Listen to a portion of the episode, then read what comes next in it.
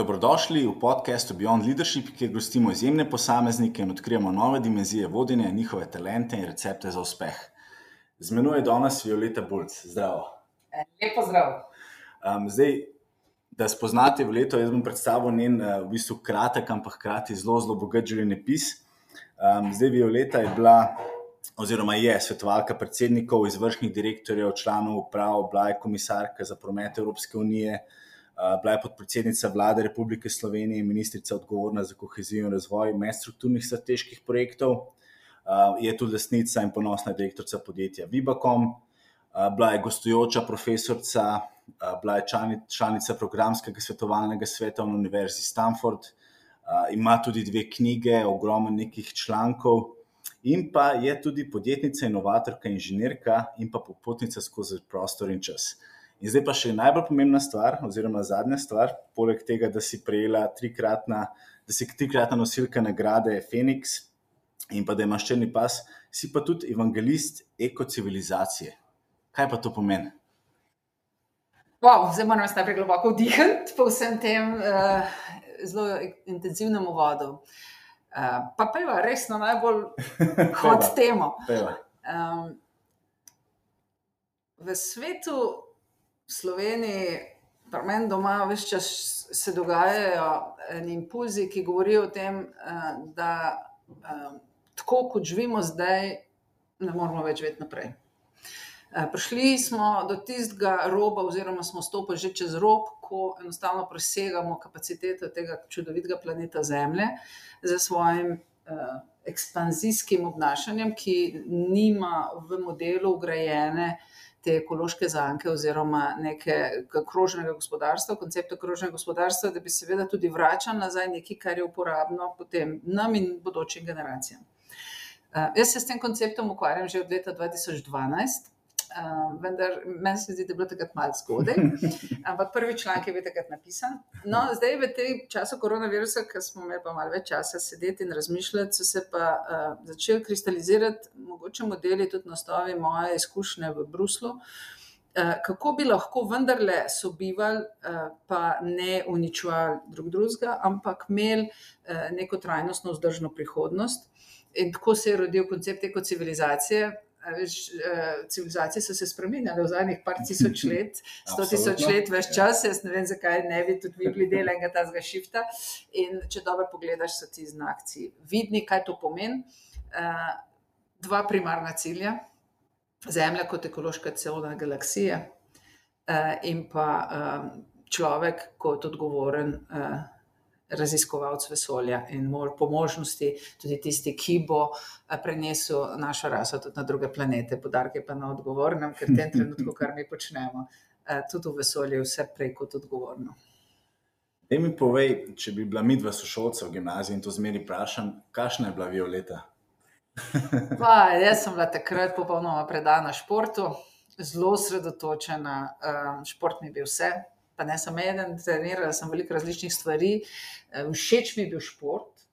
Eh, in vsakeč znova, zaradi moje postave, zaradi tega, ker smo veliko doma v vinogradu delali in je bilo telo eh, zelo dobro narejeno, sem seveda zelo hitro prišla v najrazličnejše selekcije in se vedno znova umaknila, ker mi je bil všeč šport, ne tekmovanje. Pa vendar na koncu pol prestala v državni reprezentanci, če je jugoslovanski. Ampak Zelo mi je bil všeč srednja šola, zato ker smo se takrat res oblikovali. In če bi z mano hodil v gimnazijo, bi zihar se srečala na, na krožku, ki ga je vodil Matjaš Berger in sicer um, književno, rekla, filozofski krožek, kjer smo brali najbolj zahtevne avtorje, se o njih pogovarjali in se s tem nekako ustvarjali svoj odnos do sveta. Super. Da mi povej, ti si zamenjala kar uh, ogromno nekih pomembnih vlog, položajev. Um, če se malo dotakneva tvojega stila vodenja, kako misliš, da se je tvoja, tvoj stil vodenja spremenil od tega, kar si bila vem, uh, Evropska komisarka za promet, do tega, da si bila podpredsednica vlade Republike Slovenije, do tega, da imaš svoje podjetje? Uh, ja, mene je pravzaprav kot nekega vodjo v smislu menedžiranja korporativnih okoljih izoblikoval, uh, izoblikovalo malo obdobje v Silicijevi dolini. Jaz sem takrat takoj po končanem magisteriju dobila zelo zanimivo službo in hitro prevzela vodenje nekega, do takrat še neobstoječega oddelka, in sicer upravljanje globalnih mrež, namreč DHL sistemi so takrat bili prvi, ki so v sto šestinsedemdeset držav uvedli TCP/IP, kar je bil takrat še akademsko okolje, vendar je bil to ena izjemna izkušnja, no, in je bilo treba to voditi, in takrat sem se zelo hitro mogla naučiti nekih osnovnih pravil, samo bila sem mlada, bila sem zelo entuziastična, res, in prehitro šla do konca. v resnici, ko sem videla eno idejo, sem jo hotela jutri, ne jutri, včeraj speljati, in je bil ta puš je bil kar močan in me je življenje začelo pol malo oblikovati, počasi sem dobivala malo sporočila, da mogoče pa to ni vedno najboljše, da je treba včasih tudi idejo prespati, da včasih ni najboljše vedno komunicirati vizije, ker so morda samo meni lastne oziroma so pa toliko tuje drugim, da se prehitro zablokirajo, in sem se naučila, da je treba najprej komunicirati mogoče kakšne izzive pa priložnosti pa potem strategije, potem male korake, no, in počasi graditi prostor, v okviru katerega potem lahko neke večje vizije uresničiš, no, jaz sem mislila, da sem se samo to naučila, in ko sem prišla nazaj, sem bila pet let direktorica na Telekomu Slovenije, vodila vse carrier, se pravi operaterske posle, in tudi takrat ponovno prehitro izskočila z eno odlično ekipo smo v roku teh pet let zgradili en čisto nov segment, ki prostor takrat za njega ni bil pripravljen, in to je bila spet ena taka huda lekcija. Da enostavno ne moreš, tudi če imaš ekipo dobro, ne moreš iz prostora izstopati, ampak moraš se potruditi, da tudi prostor razvijaš hkrati s svojo lastno ekipo in svojo, svojo osebnostjo, če seveda hočeš v tem prostoru potem delati. No, se je pa to samo nadaljevalo, Telemachova zgodba me je zelo izučila, to, to je tisto, kar sicer ne privoščim nobenemu, si pa, si pa mora vsak podjetnik želeti, da gre skozi, a ne, ker tudi spoznaš vse lastniške strukture, dinamiko, odnos med lastnikom in podjetnikom. No, in takrat je tudi prišlo potem pri meni do spoznanja, da je pa zdaj čas, da v svoje ideje začnem sama investirati. Ne, ne skozi iskati, kako bojo drugi vame verjeli, ampak rekla: "Ne, zdaj bom pa jaz sama od sebe zavisela, sama bom začela vlagati v to, kar verjamem, da je prav." In tako je nastalo pol to svetovalno podjetje, ki ga zelo težko mi gre z jezika, svetovalno, ker je bil neko, neki kreativni ekosistem, kjer smo strankam soustvarjali neko te tako imenovane modre oceane. In to, v tem sem se res našla, ta inovativna žilica je dobila svoj poligon, stranke so bile zadovoljne, ker seveda, ko enkrat stopiš v modri ocean, si uspešen. In to sem prinesla pol tudi v politiko, žalost v slovenskem prostoru zelo kratek čas, no, ampak v evropskem prostoru se mi je to izjemno obneslo, in če je kaj moja legacy, ne, kar je ostalo za mano v Bruslju, je cel kup enih inovativnih programov, ki pa imajo že svoje mesto zdaj tudi v novi finančni perspektivi. In tam sem pa res na polno, in zato mi je bila ta služba tako všeč, uspela uporabiti ta koncept participativnih modelov, gradnje ekosistema, vključevanje vseh možnih deležnikov, od sindikatov pa do, do industrije pa do nevladnih organizacij pa do političnih struktur v državah članicah in znotraj komisije. In takrat sem pa prvič res začutila ta moč enega ubranega ekosistema, ki ima neko skupno vizijo in si zaupa, da bo vsak znal svoje narediti v okviru te skupne vizije, in pol rezultati seveda ne izostanejo. Top. Zdaj, jaz imam to srečo, da si zraven mene, in ker vidim v bistvu, kako žariš, kakšno strast imaš.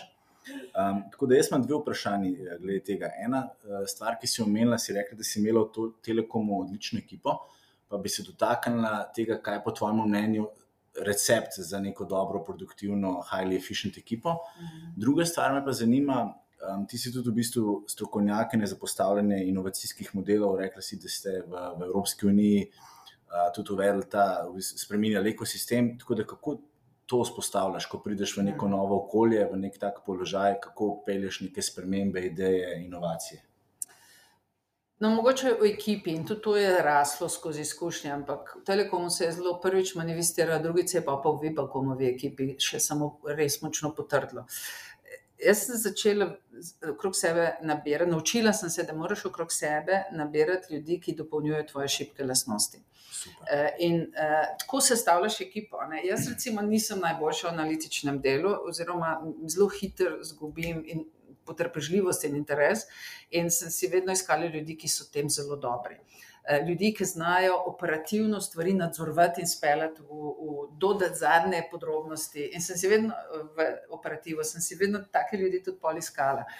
Eh, potem ljudi, ki si upajo eh, svojo glavo razmišljati, plasirati ideje in so toliko narejeni ali pa pol povabim, da se naredijo, da so sposobni sprejemati en zelo dinamičen, konstruktiven dialog in da razumejo tudi, včasih uh, se enostavno strinjamo, da se ne strinjamo. Uh, in je to tudi ok. In v tem dinamičnem okolju se porojevajo dobre ideje. Raznolikost vedno sem skrbela in to pa res že od začetka, da sem imela uravnotežene time, pa v žensk, pa v moških. in še vedno tako močno v to verjamem, eh, ker eh, samo na ta način ti res lahko prepoznaš potrebe družbe. Ker družba pri nas trenutno je 51% žensk, 49% moških, tle se bo mogoče malo plus minus spremenjalo. Ampak če češ ti res dobro identificirati potrebe in tudi hkrati ta prave rešitve eh, predlagati, moraš imeti družbo za mizo, ki kjer se mhm. ustvarjajo uh, te rešitve. Tako, no, tako bi bile te, bi bile te glavne dve. Zdaj, kaj pa je pri ekosistemih inovativnih bilo ključno? No, uh, to je pa predvsem, da uh, je treba najprej okolje pripraviti. Ker če ti vržeš eno briljantno idejo v okolje, ki za inovacijo ni pripravljeno, jo bo zavrglo, kot češ, kdo je pa že to naredil, kje ste pa že to videli, veš, to sploh, kje pa računica. A naj pri dobrih idejah ni trga, nihče tega še ni naredil, pa tudi računice na začetku še ni. Se pravi, eh, to sledenje enemu eh, konceptu, ki pravi, da eh, moraš imeti, seveda, generatorje idej, da moraš imeti potem tiste, ki znajo idejo presoditi, vendar je ne soditi. Ne? Eh, in da imaš tiste, ki eh, potem idejo zapopadejo in zahtevajo, da potem se pokaže neki dodana vrednost, neki konkretni rezultati, in potem tako imenovane staroseljce, ki pa potem zaradi že te dinamike, ki se dogaja, so pripravljeni potem to novo idejo tudi absorbirati in jo vzeti kot svojo, ker jo je nekdo že plačal, nekdo je že potrdil, nekdo je že rekel, da je dobro. In jaz se mi zdi tudi naloga recimo v nekem okolju, nekem podjetju, uh, vodje, da ustvari te pogoje. Zato se je tudi recimo, ta spin-off koncept razvil, da ti umakneš za nekaj časa uh mhm. -huh. tudi eno ekipo, ki zelo inovativno razmišlja, da ti ne rasuje cele strukture. Pa pa opazuješ, če je to ta prava ideja za prihodnost, pa celo firmo postiš, da ta nova ekipa posrka, če pa ne, jo pa prodaš ne, ali pa ukineš. Zelo, zelo zanimivi koncepti. Um, zdaj, ogromen uh, naših poslušalcev je na začetku svoje kariere ali pa so že mladi, mlajši lideri.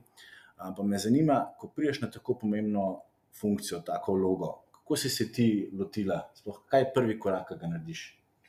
Prvi korak sem vse svoje oži, ljudi v ožjem timu intervjujala. Zdaj, če se to zdaj govorimo o Evropski. Ja, da je to. Imamo vse eno ja, okolje. Ja, ja. Na tem, eh, prvič, treba vedeti, da sem dobila 1700 ljudi ena tako, wow. čez noč. Uh, priznam, tako velike ekipe nisem še nikoli vodila, ampak uh, je pa to v nekih takih koncentričnih krogih organizirano. In najprej sem seveda mogla sestaviti kabinet, kar so bile spet zelo zanimiva pravila, pol moških, pol žensk. Pol je bilo lahko iz Slovenije, pol so mogli biti uh, tujci, pol je bilo lahko, moralo biti tistih, ki imajo izpit uh, za. Za administracijo evropsko, pol jih je lahko bilo od zunaj. Uh, in v tistih, ki niso bili slovenci, je bilo treba imeti raznolike pripadnike iz različnih držav članic. Tako da že sem to je bila ena umetnost. Ampak na koncu smo uspeli, ne v prvi rundi, ker sem mogla po mojem hearingu sem imela dve uri in pol, da se zdavim ekipo. No, tisti prvi poskus eh, je bil še malo manj uravnotežen, pa smo pa v roku petih, šestih mesecev pa to zelo dobro uravnotežili. Tako da prvo res poznati ljudi, da veš, s kom imaš upravka in da veš, kaj so njihove sposobnosti, da jih znaš aktivirati na prav način, pa tudi usmeriti na prave projekte. Drugo, da. Eh, razumeš globalne trende, v katerih si se sploh znašel in ki imajo neko vpliv na to, kako se bodo lahko vsebine razvijale. Tako da tukaj mi je zelo veliko pomagal moj background, ker je promet zelo podoben telekomunikacijam v konceptu, sploh pa ker se je razobličenje in pa digitalizacija, je bil ravno prav moment, da smo mi lahko skozi velika vrata pa pripeljali evropski promet.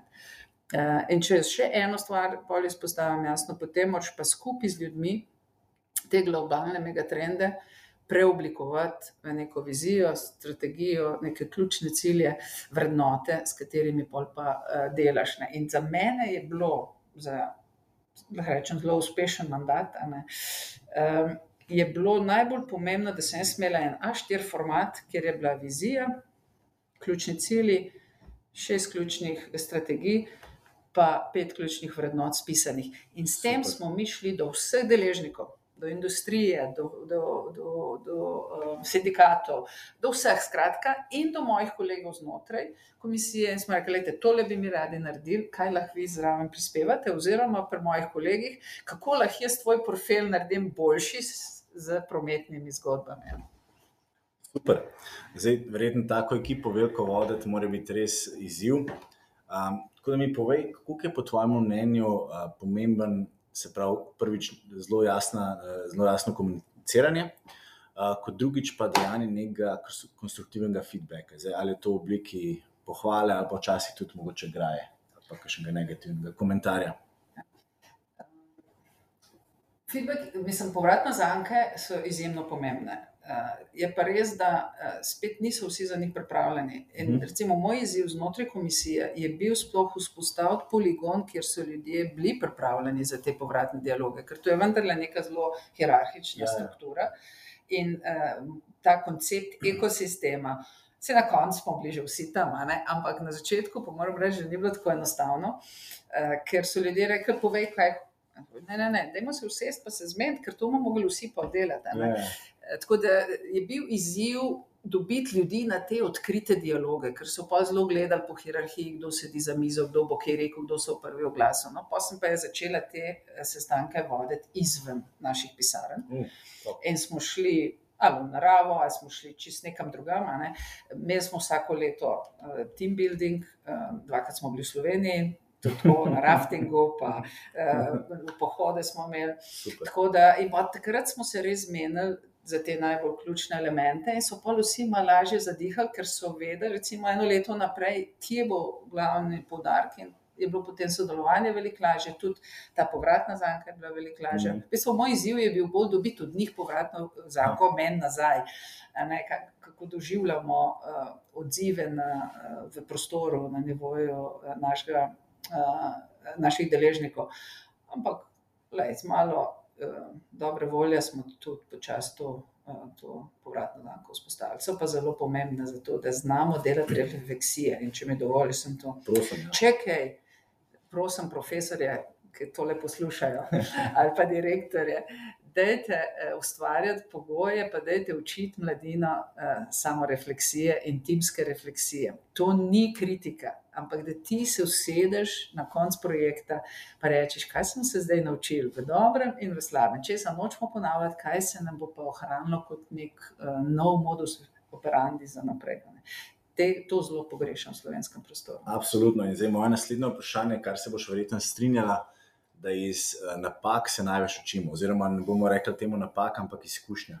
Tako da koliko je zate sploh, glede na to, da si inovirala ogromno, ogromno ekosistemov, koliko so recimo zate te napake, napake oziroma izkušnje pomembne? Sam rekel, napake, če bi gledala zdaj nazaj, in to je zelo zanimivo, ne, ne bi svojega življenja ničesar izločila, ker vse to, kar sem doživela, me je naredilo, ne.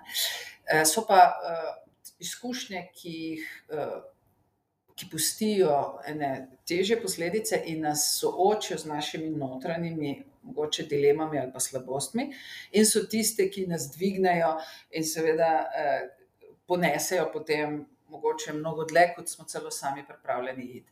In se mi zdi, da je v resnici na dolgi rok veliko težje upravljati uspeh kot neuspeh.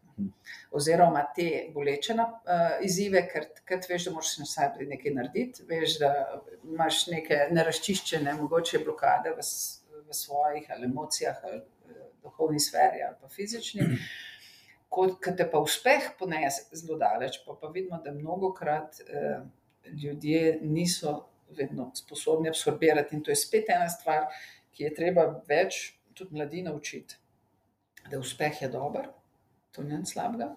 Če dobro zaslužiš, ni nič slabega, ampak ja. moraš s tem znati odgovorno upravljati. In tega se še ne učimo. In je škoda, ker eh, to v resnici uničuje osebnosti. Se strinjam. Zdaj, ti imaš res, res, eh, bom rekel, zelo bogat CV, od tega, da si bila gostujoča profesorica do svetovalka zdaj predsednikov uprav, direktorjev, do komisarka Evropske unije za, za mobilnost, pa še bi lahko naštevala, kaj pa v tvojem življenju, oziroma za te bil največji uspeh. Rekla, to je bil pa ta trenutek, ko sem se zavedala. Wow.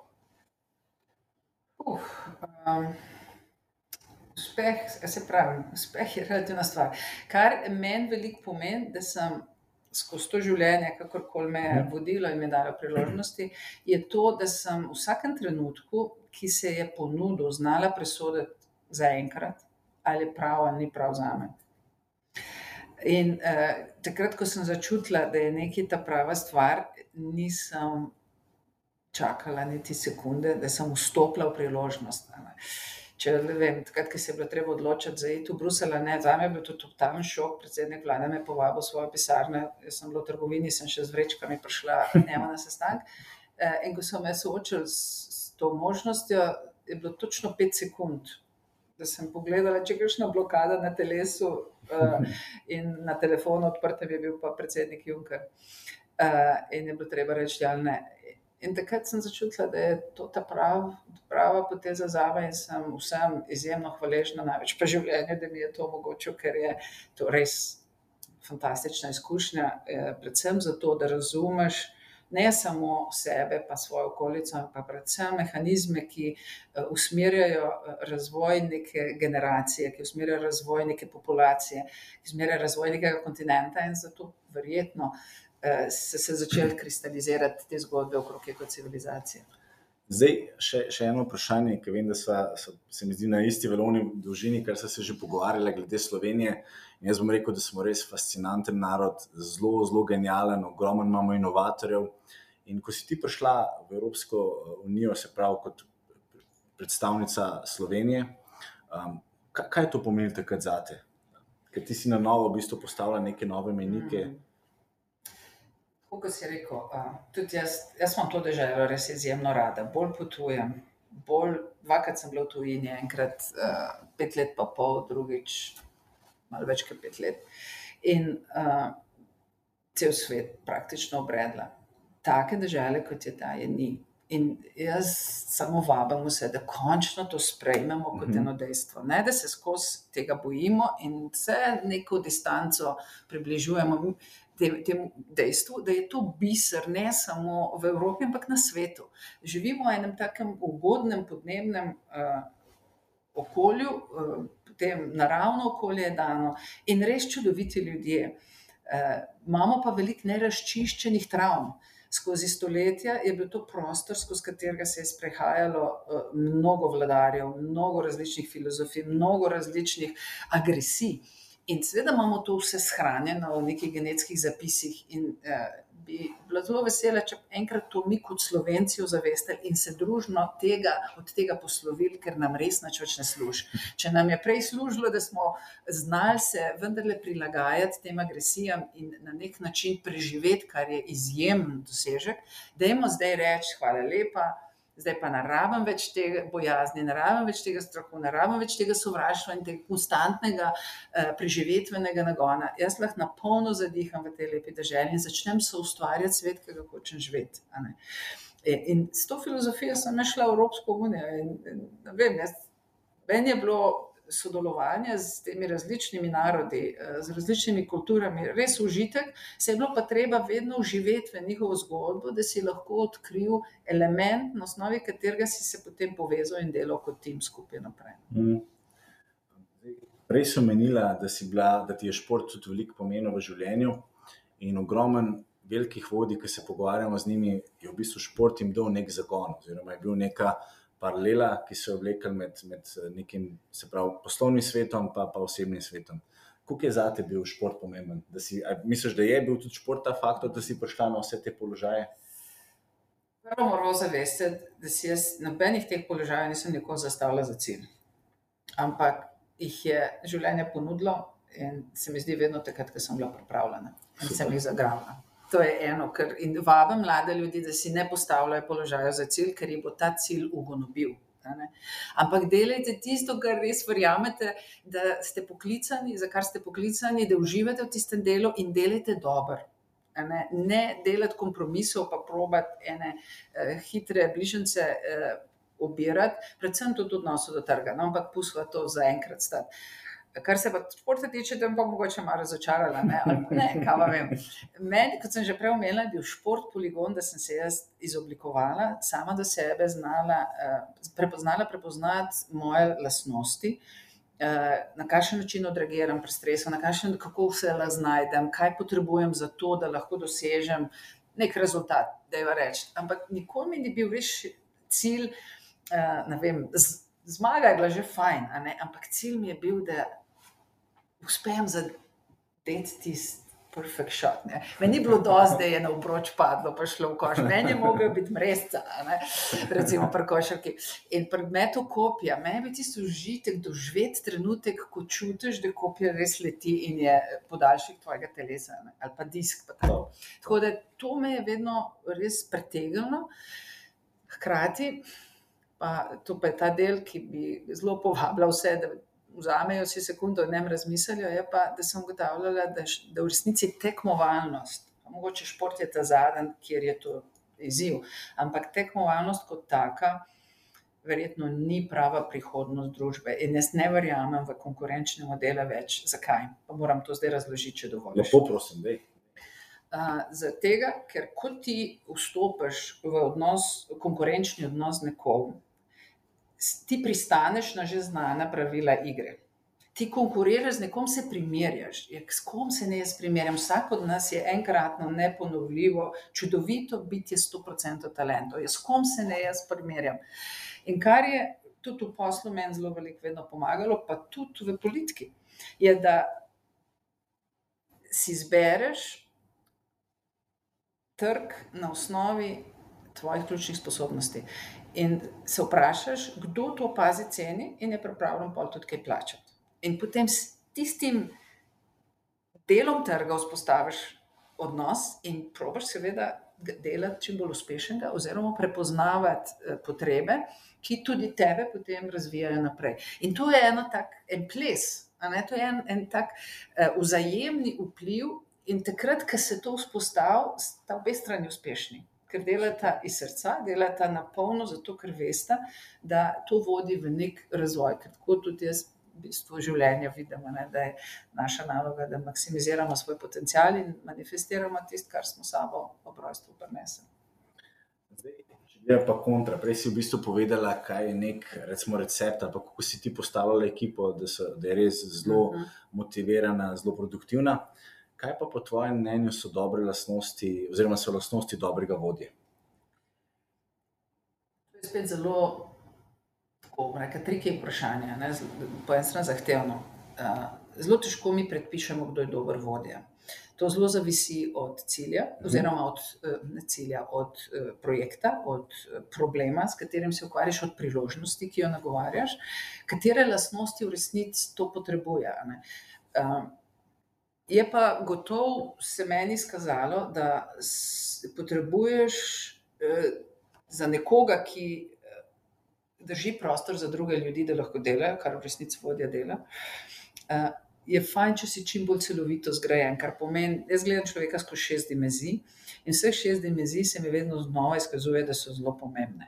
Ena je naša fizična in moramo vzdržati svoje fizično uh, ravnotežje. Za enega je, da, je, vem, da se nabilda in je v telovadnici vsak dan po dve uri, za drugega je to dovolj, da gre za pol ure vsak dan na sprehod ali pa enkrat na teden v hribe. Jaz nečno sodim, kako, ampak ti se moraš čutiti udobnega s telesom.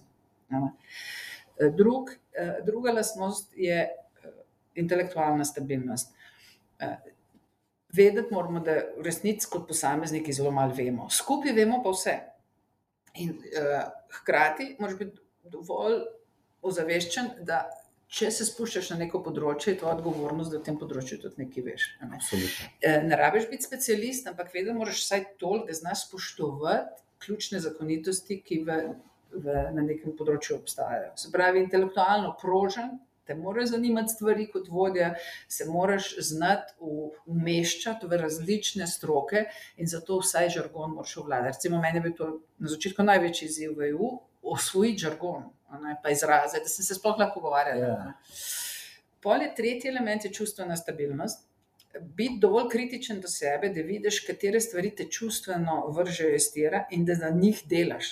Orodij, kar hočete. Eh, Takih in drugačnih, vsak lahko svoje orodje najde, da začne čistiti te svoje temne lise, ki si jih podedoval skozi generacije. Vemo, da zdaj se vsaj pet ali pa celo sedem generacij genetskega spomina lahko deduje, od otroških eh, frustracij, najstniških, pa do, uh, ko si že vstopil v odraslo obdobje. Ampak tvoja dolžnost je, da to čistiš, ne, ne dolžnost družbe. Četrta eh, dimenzija je eh, duhovna dimenzija, to zelo zanemarjamo. To je rečem, tisto, kar je neuprejemljivo. Mi smo se v Inko gibanju, eno gibanje, ki smo ga vodili, ki sem ga vodila na šest let eh, pred mojo politično kariero, je, eh, smo se zelo veliko z intuicijo ukvarjali. In kako čistiš, da ti lahko si senzibilen za impulze v prostoru in znaš prevajati potem tudi v neke konkretne informacije. In uh, seveda potem socialna dimenzija, da čutiš prostor. Mi dva smo danes v stavbi BTC. Kaj je glavna prednost BTC? Je to, da ima tudi to družbeno senzitivnost vse čas prisotno in uh, ne skrbi samo za lasten uspeh, ampak širi ta uspeh tudi na številne druge deležnike v prostoru. ne. In to ga Ja. dela vsak a ne, močnejšega in močnejšega. In še če, eh, zadnja, eh, šesta dimenzija, eh, ki je pa energija, energetska. In spet pozna dovolj telo, da veš, kaj, kater tip energije se je v tebi Mhm. eh, bom rekla, ustavil ali pa eh, se je usedel vate, eh, ker vemo, da na, iz kvantnega vidika, da smo itak vsi ena sama vibracija. In je zelo dobro vedeti, kje vibracija si, zato da potem razumeš, kako se vzpostavljaš, kako vzpostavljaš odnos z drugimi. Evo. S kom vibriraš? Super. Ja. Da mi povej, um, koliko je zate pomemben, um, oziroma in tudi ti, verjetno, si imela, uh, da imaš nek, nekega mentorja, da dejansko imaš osebo, ki ti svetuje čez življenje, pa se lahko na njega zaneseš. To je zdaj spet zahtevno vprašanje, eh, ker v vsakem obdobju se pojavi učitelj ne, Mhm. in tudi potem, ko učitelj svojo pravi, tudi odide. Eh, Seveda so mi bili prvi moji starši. Meni sta dala starša en izjemen eh, prostor varnosti. Meni ni bilo nikoli strah. Eh, To ne pomeni, da nisem bila čas previdna, ampak ni me bilo strah in, se, in, in to je en tak čudovit občutek, eh, ker je vezan na moje otroštvo, eh, s tem, da sta mi pa zelo veliko pustila tam. eh, Na travniku smo se lovili, podili od jutra do večera, odraščala sem sreči na vasi. Uh, in uh, je bila to ena tako zelo mehna skupnost, ki je zelo skrbela, za vsi smo bili otroci do vseh in smo se v resnici zelo varno si počutili.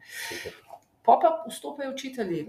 Ne, eh, Zelo pomembni so učitelji v osnovni šoli. Uh, Nažalost, če bi se učitelji zavedali, kako pomemben vpliv imajo na svoje učence, pa če bi se tudi sistem zavedal, um, bi že zdavnaj omogočil tem učiteljem, da se iz nekih delovnih konceptov, ki, bilo, ki so bili naštimani za produktivnost in za delovna okolja, bi mi vsi sodelovali pri tem, da bi res imeli um, v šolskih sistemih in da bi uh, prisotno ta koncept mislečih okolij, kjer je inovativnost ključna, kreativnost, kjer je lateralno razmišljanje, kjer je sodelovanje, kjer je konstantna radovednost, tista, ki pride naprej. Zdaj pa ne učitelji niso v to smer izobraženi, sistem pa še manj. In pa imamo problema, ne, ker vam pridejo otroci iz šolskih sistemov, ki so narejeni za neka delovna okolja. Eh, Podjetja pa je to ta zadnjo, kar iščejo. No, in pa isto se ti zgodi v srednji šoli, enako, kako pomembni so profesori, predvsem pa je v srednji šoli izjemno pomemben tudi to okolje, ti razni krožki, razne dejavnosti, ki te začenjajo zelo izoblikovati. In Ja, mene je to Ja. zelo, no, jaz, res. Mhm. In pa seveda faks, kjer je pa, so pa že projekti. Tam smo pa, jaz sem od drugega letnika naprej skozi bila v službi, mislim, delala kot študentka. In eh, vse, kar smo se na faksu učili, smo takoj pretvorili pol v delavnice za druge.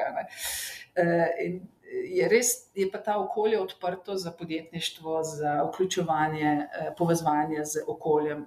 To je bilo za mene izjemno pomembno. Ne. Pa so se pa začeli pojavljati že tudi uh, učitelji na drugih nivojih, ne samo trenerji, pa učitelji v šoli, pa starši, ampak potem sem jaz sprobala mnogo različnih duhovnih tehnik, ki so mi pa odprli to svobodo duha. Ne, vzgojena v nekem katoliškem duhu, samo obstajajo svetovi, ki te naredijo pa celostno, so me povezali, tako Indija, Latinska Amerika. Um, In to je za mene naredilo zelo velik vtis in je za zmeraj ostalo tudi globoko meni. Ampak to so spet za mene bila samo urodja in mm. se premikam naprej in iščem ta urodja dalje.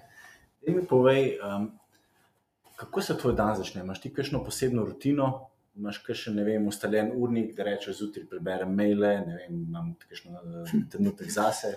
so take razvade. Ja. Uh, ja, jutr, jutro je najprej za raztezanje. In to je tako res dobro raztezanje in mi je všeč, ker sem dobila par na tej poti razvoja, par odličnih vaj, s katerimi predvsem zbudim telo. Potem pa je skoraj vedno vstanem in grem, ker nimam ne računalnika, ne telefona, posli tega ne maram. To namerno, verjetno. Namerno. Super. In grem in vzamem telefon ali pa iPad in pregledam zadnji novice, da vidim, če svet še vedno stoji, eh, malo te glavne maile, poskušam odgovoriti, če niso prezahtevni. Eh, no, pa pa, pa, pa klasična rutina zajtrk, potem pa meditacija. In tega sem se pa zdaj navadila, pol ure meditacije, ki mi pa zelo umiri stresi. So res veliki. V Bruslu se mi je, mi je pomagala velika yoga.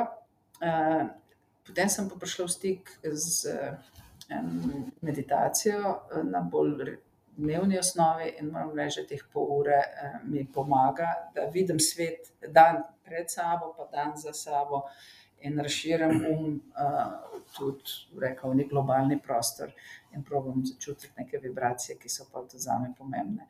Predvsem pa sprostiti telo. To je, to je res pomembno. No, pa, pa, pa, potem je pa vse nepredvidljivo. pa pa go with the flow. Super. Yeah. Da mi povej, a si ti, na primer, ogromen podjetnikov, ki smo imeli, oziroma vodi, um, si ponovadi v nedeljo naredi nek plan za naprej, si postavil neke mini cilje, tedenske ali pa mesečne. Imáš ti tudi kakšno tako stvar, da si narediš, pa si rečeš, ta teden moram pa to doseči? Um. Moram pomisliti, v katerih vlogah. V tem trenutku tega nimam, imam pa seveda urnik poln in vedno uh mhm. -huh. pogledam vsak dan za cel teden, ko ga me čaka, spravim ta um, rekla, um, drsni plan uh, v glavi. Ampak uh, zdaj, to planiranje je seveda koristno, če razumemo, da je stvar konstantnih sprememb.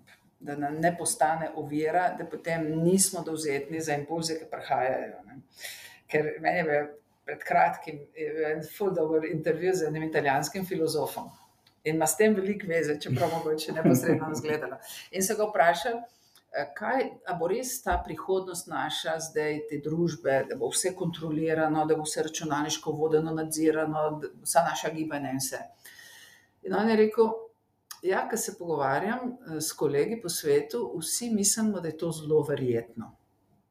Prav sem. Gospod je blizu 80 star. Je pa rekel, vendar življenje me je naučilo, ne, da tisto, kar je zelo verjetno, se ponovadi ne zgodi. Zato je treba zelo paziti, in prepoznavati možnosti, ki se razvijajo, zato da bomo znali pa ta pravo zagrabiti. In to je, recimo, meni vodilo. Super. Pa.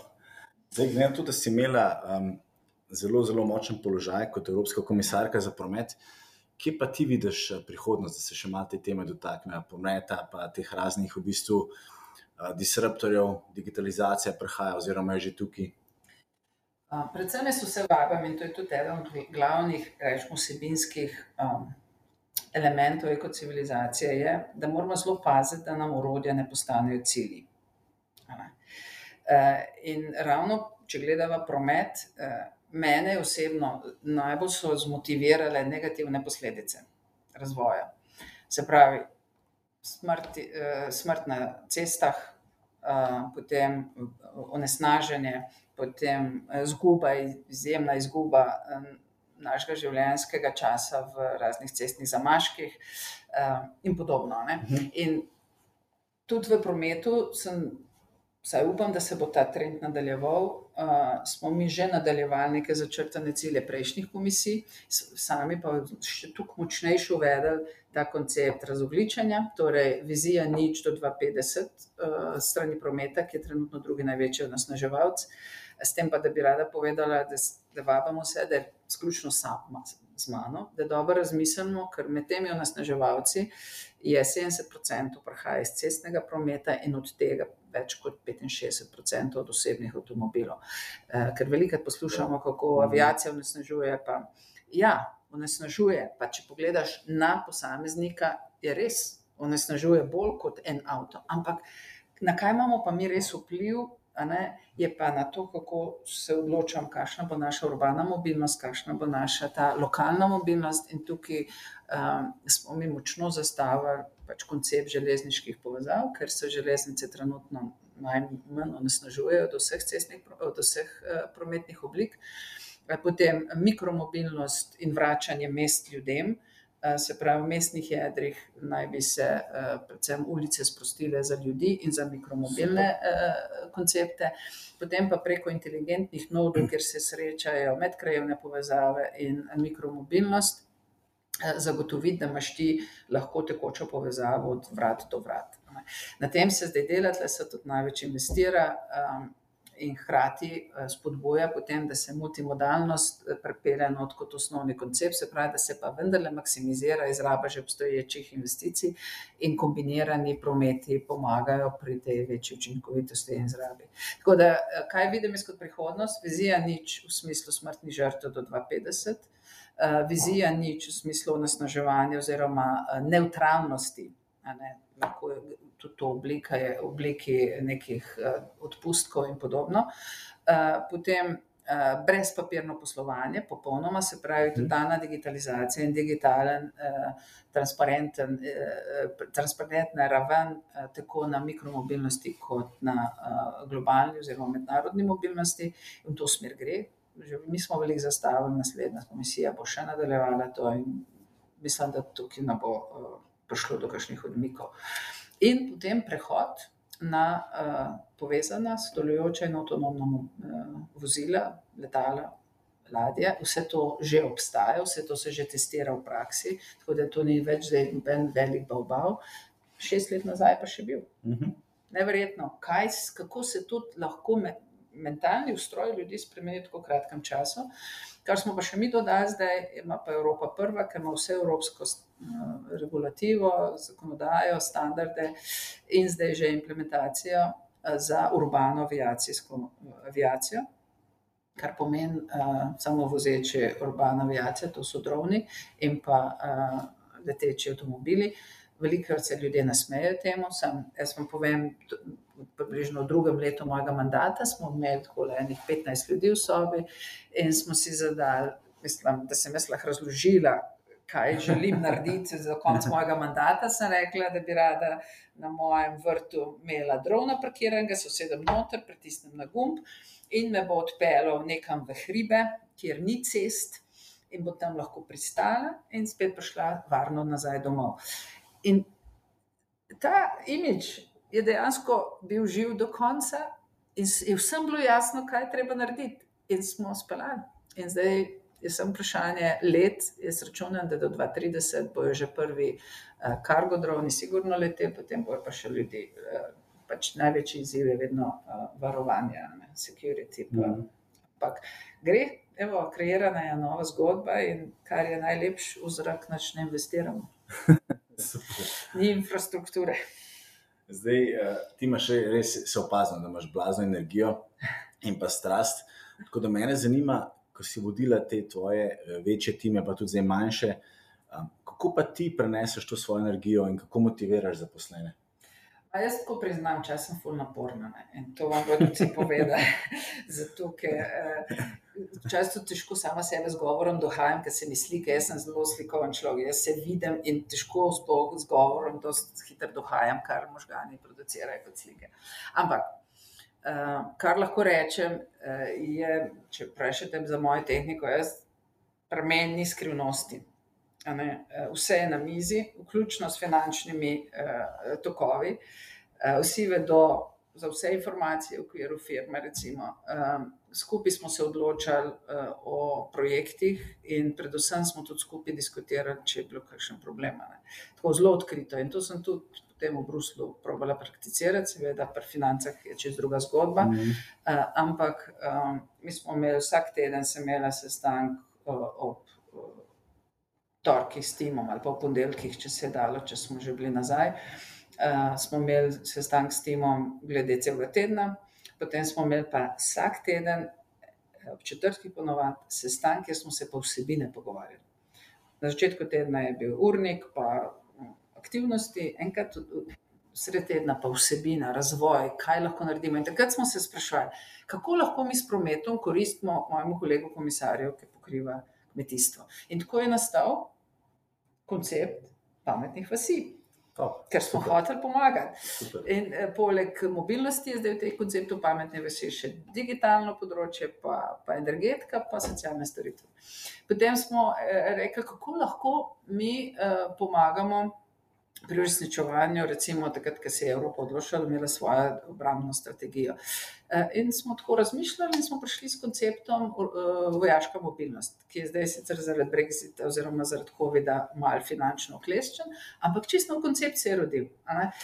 Tako smo porodili ta urbani aviacijski prostor na isti način. To so te odprte eh, diskusije, kjer mm vsi lahko govorijo, mislim, vsak se odziva ne po neki Super. hierarhiji ali ja. pa nekem določenem vrstnem redu ali pa v naprej pripravljeni agendi, ampak je to nek sproščen pogovor. O neki temi, ki jo je nekdo identificiral, ali sem jo jaz, ali en kolega, in pa se razvija debata. To se mi zdi zelo pomembno. No? Da, ni pa formule, res, samo iskren bote. Uh, vsi, ki vodite, bodite iskreni, uh, priznajte tudi svoje napake, To se mi je enkrat en moj kolega z Joko, ki je rekel, da še v življenju ni politika srečo, ker bi se mu upravičil, ker sem jaz nekaj zamočila. In je dejansko, da so vsem ga spravljali, ampak v redu. Je pa to resnično ena, ena blazna kvaliteta, je, da ja, vsak je zmotljiv, vsak lahko naredi napako. Priznajte jo, ker v trenutku, ko je ne, se bo tam zgradila neka tako negativna energija, ker nekdo bo pa mogel prevzeti odgovornost na koncu. In res samo maksimizirati tisto, kar je dobro v nas, se stvari kar lepo odvijajo, več nam ne fali. Povej, zdaj, v, v času pandemije pravijo, da smo preskočili tri leta digitalizacije, v, da smo izkrčili v bistvu dva, tri mesece. Kje kanale pa ti uporabljaš za komunikacijo s svojo ekipo? Zanimivo vprašanje, zato ker sem ravno pred dvemi dnevi, ko smo hodili po Istri, smo se s prijateljem to pogovarjali. Um, za mene še vedno je najmočnejša socialna mreža. Jaz še vedno, če rabim, recimo, čist banalen primer, če rabim mojstra, jaz bom poklicala nekoga, ki vem, da mi bo lahko dobro svetoval, ponovadi mami. Ona obvlada vse te mojstre. Ampak um, ta, ta socialna mreža je za mene zelo pomembna. Potem imam pa klasične socialne medije, kjer sem tudi zelo aktivna, Twitter, Facebook, pa LinkedIn. Instagrama nisem osvojila, se mi zdi, eh, da vendarle je prav, da tudi znamo z, z besedami izraziti mm. neke svoje emocije in dodati sliki še svojo osebno noto. Um, potem pa knjige. In spet knjige, zelo po intuiciji zbiram. Mene knjiga pokliče, tako največkrat rečemo. Ne. In imam zdaj, nažalost, mi jih je zdaj zelo veliko poklicalo, mene, mene se zdi, da jih je 26 knjig zdaj na mizi, kar se še nikoli ni zgodilo ampak uh, mislim, da bom, bom se čez poletje potrudila, da malo zmanjšala ta, ta kupček. Uh, je pa uh, knjiga in potem sledim.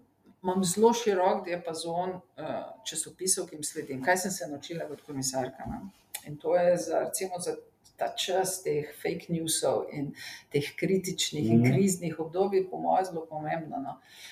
Uh, mi smo imeli vsi komisari televizijo v svoji pisarni, In jaz sem imela odprte, tako da sem na hitro, enega za drugim, da sem lahko klikala. Sem imela BBC World, imela sem 24 Tour News, uh, to je tudi mednarodna mreža od francozov, potem sem imela CNN, pa sem imela Al Jazeera, pa imela sem Russia Online. In vam povem, da včasih, ki je prišla kakšna taka udarna novica, si pogledal vse te eh, kanale in nisi vedel, da gledaš iste novice. Ja. A ne? In se mi zdi, da je ta uh, mislim, perspektiva, ki pripelje različna mnenja, različne poglede na, isti, uh, na isto temo, zelo pomembna, in pa moraš sam sebe, vse si oblikovati svoj odnos. a ne. Do tematike, in pa mogoče preveriti v socialni mreži, in tako naprej. Um, ni lahko danes prepoznati, kaj je res in kaj ni, predvsem pa kaj je relevantno in kaj ni, ker je poplava informacij ogromna in vsak medij zastopa pač svoj pogled. Ne, in je, če že sledimo medijem, moramo vedeti, kateri interesi so zadaj. Danes je samo nekaj zelo mehkih eh, medijev, ki so res neodvisni, eh, vsi veliki mediji so pa odvisni in to je postalo problematično.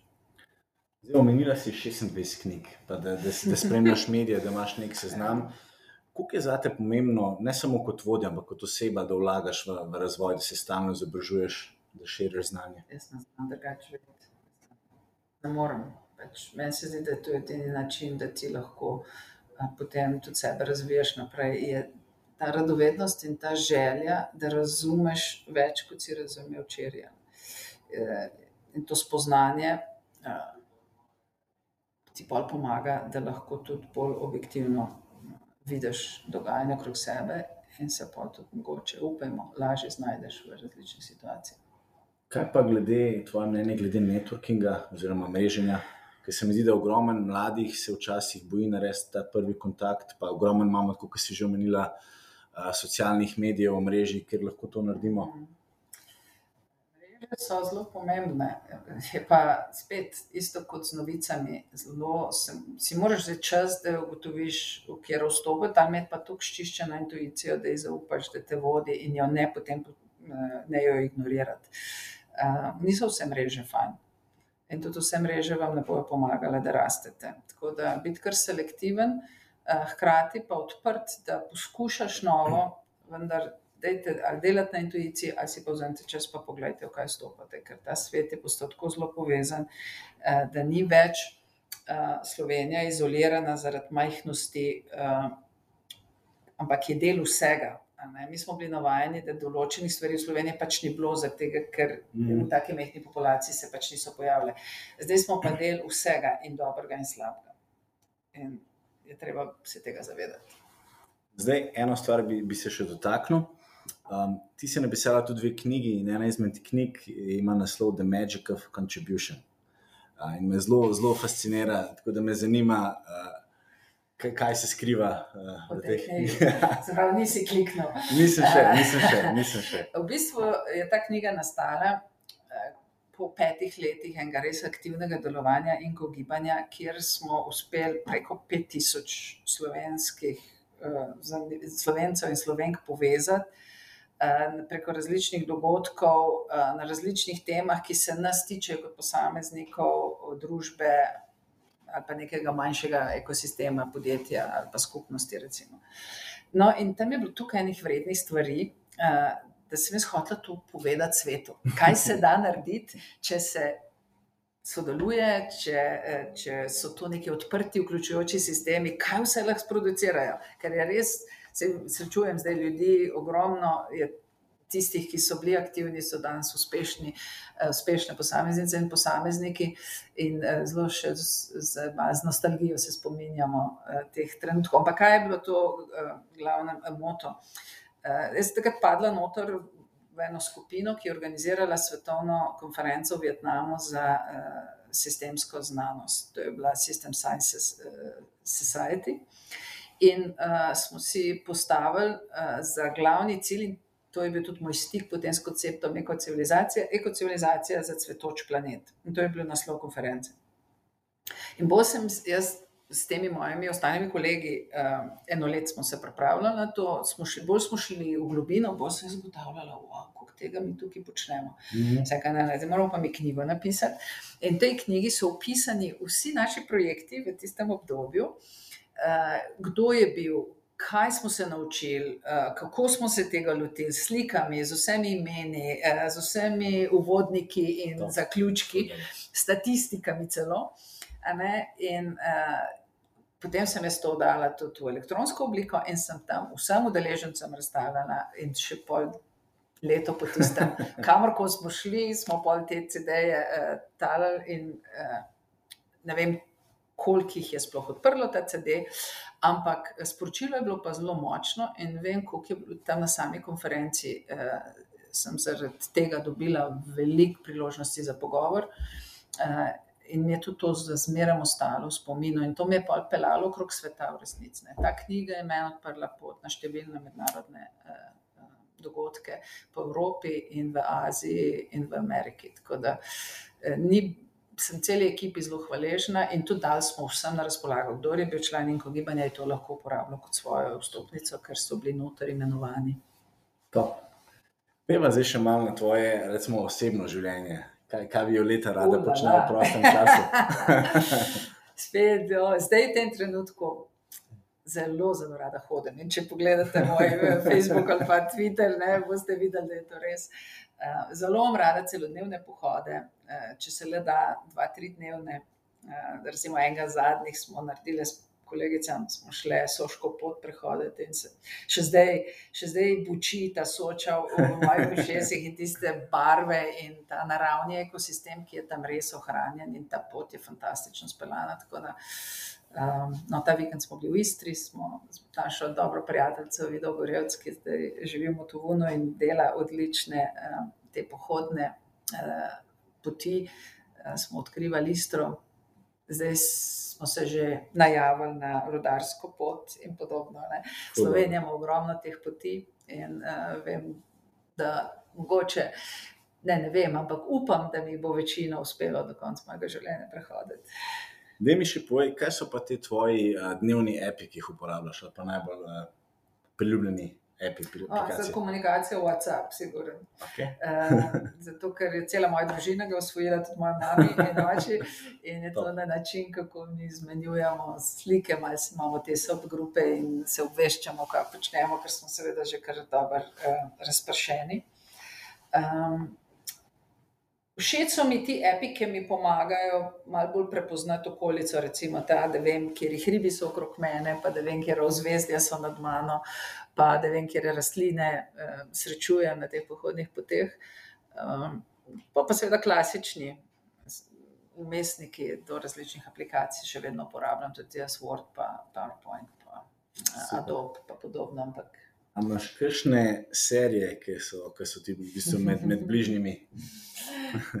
jo, te serije bojo mene ugonobile, ker jaz imam pa ta problem, da serije za mene film. Ne, moram polkar vse videti.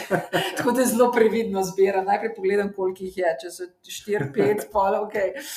Uh, zelo imam rada dokumentarce, tudi različne, ki, ki jih je zdaj začel National Geographic, pa tudi nekateri drugi uh, lansirati, uh, ki je serija, ki kaže na razvoj sveta ali pa naravne ekosisteme. Uh, imam rada dobre kriminalke, uh, imam zelo rada dobre znanstveno-fantastične filme, ampak ne, uh, nimam rada teh raznih gnusnih stvari. No. Ampak eh, zelo mi je všeč, ker mi meni odpirajo nove možnosti razmišljanja eh, in take rada pogledam. Pa ni nujno, da je njih najbolj vrhunsko zaigrano, pri takih gledam bolj po novih, za nove koncepte, pa nove, nove filozofske konstrukte. Eh, tako, no, s prijateljem, pa, pa prej smo z družino, zdaj pa bo s prijatelji, pa si pogledamo časih kakšno komedijo. Tako da. Vem, težko bi izluščila žanr. Meni je vse, kar v tistem trenutku uh, zapoje in mi služi, da se pogledam. Zdaj, če počasi zaključiva, um, mi povej, kaj bi bili pa tvoje, recimo, tri nasveti za naše poslušalce. In tukaj imamo zdaj od mladih podjetnikov do zelo izkušenih uh, liderjev, do akademikov, do študentov. Lahko jih je napisala, ne par. Lahko jih je tudi pet. Ja, Malo sem jih napisala, ampak eh, zihar mi bojo zdaj kakšni drugi prišli uh, na misel. Uh, enega sem že parkrat ponovila tokom današnjega pogovora. Torej, da res uh, si vedno pripravljen, da uh, začutiš trenutek in tudi priložnost, ki ti je dana za grabeš. To se mi zdi, in to je meni zelo pomemben tak. Uh, ustroj razmišljanja. Eh, nikoli si pa ne dajem za cilj eh, bolj mi je poslanstvo, mi je bolj pomembno kot cilj, da moramo tako reči. Ne. Potem, enega, ki sem ti tudi omenjala, je bil ta, da poslušate notranji glas, ne hodite proti svoji intuiciji. Uh, jaz sem zdaj tako zavestno, vem, da sem šla štirikrat. Proti tem, in to so zelo dragocene izkušnje, ker eh, sem si za svet obljubila, da se to ne bo več zgodilo. Um, Ta notranji glas je namreč ta vibracija, o kateri smo govorili, in vemo, da smo mi vibracija, in ta vibracija ima nek spomin in ima neko inteligenco, ki mi danes še ne znamo z našo fisko izraziti. Ampak sem prepričana, da jo bomo kmalo.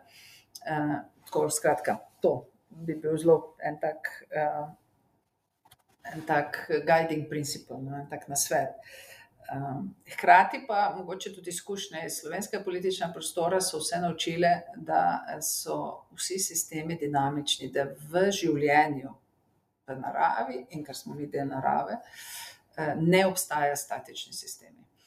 In vsakeč, ko narediš potezo, ne pričakuje, da bo svet stal, ampak se bo vse ponovno prilagodilo na ta korak. Ne. Eh, sem hotel reči, da je naš bivši premijer dobil težko lekcijo iz tega naslova. Ne. Ampak um, res, sploh pa v poslu je to pomembno. Če mi naredimo eno potezo, moramo vedeti, da bo ta poteza sprožila v vseh mrežah, v katerih smo mi upeti, neko vibracijo pri dobaviteljih, pri strankah, pri partnerjih, pri zaposlenih, pri lastnikih. In zato je mogoče dobro, da kot uh, nek odgovorni, recimo, imaš vendarle uh, dva, tri korake vnaprej. Scenarijsko predelane, ker si tako noben tistih scenarijev ne naredil. Samo s tem ti sam sebe daš v eno dinamično stanje, da, da si potem bolj uh, odziven na nepričakovane stvari in jih jemliš kot sestavni del enega procesa, ne pa kot šok ali pa pol kot eno, en, en razkroj. Super. Leta, jaz bi se ti zelo, zelo zahvalil za, za tvoj čas, tvoje izkušnje, znanja. Um, tako da hvala lepa. Hvala tebi za to povabilo, ki moram reči, da me je zelo presenetilo in lahko mogoče povemo vsem tvojim poslušalkam in poslušalcem, da moje prvo vprašanje je bilo, zakaj pa jaz tukaj. Eh, vendar le gostiš izjemno zanimive podjetnike, podjetnice in eh, res eh, je ta, ta podcast za mene eno novo odkritje. Tako da hvala lepa za to priložnost. Tako da, zdaj, če ti pa jaz dam repliko, zakaj ti, da te predstavim še samo, v bistvu zaključim v dveh stavkih. Se pravi, z nami je bila fantastična Violeta, ki je podjetnica, inovatorka, inženirka, popotnica skozi čas in prostor in hkrati vodja v vseh pogledih in pomenu te besede. Tako da res najlepša ti hvala. hvala.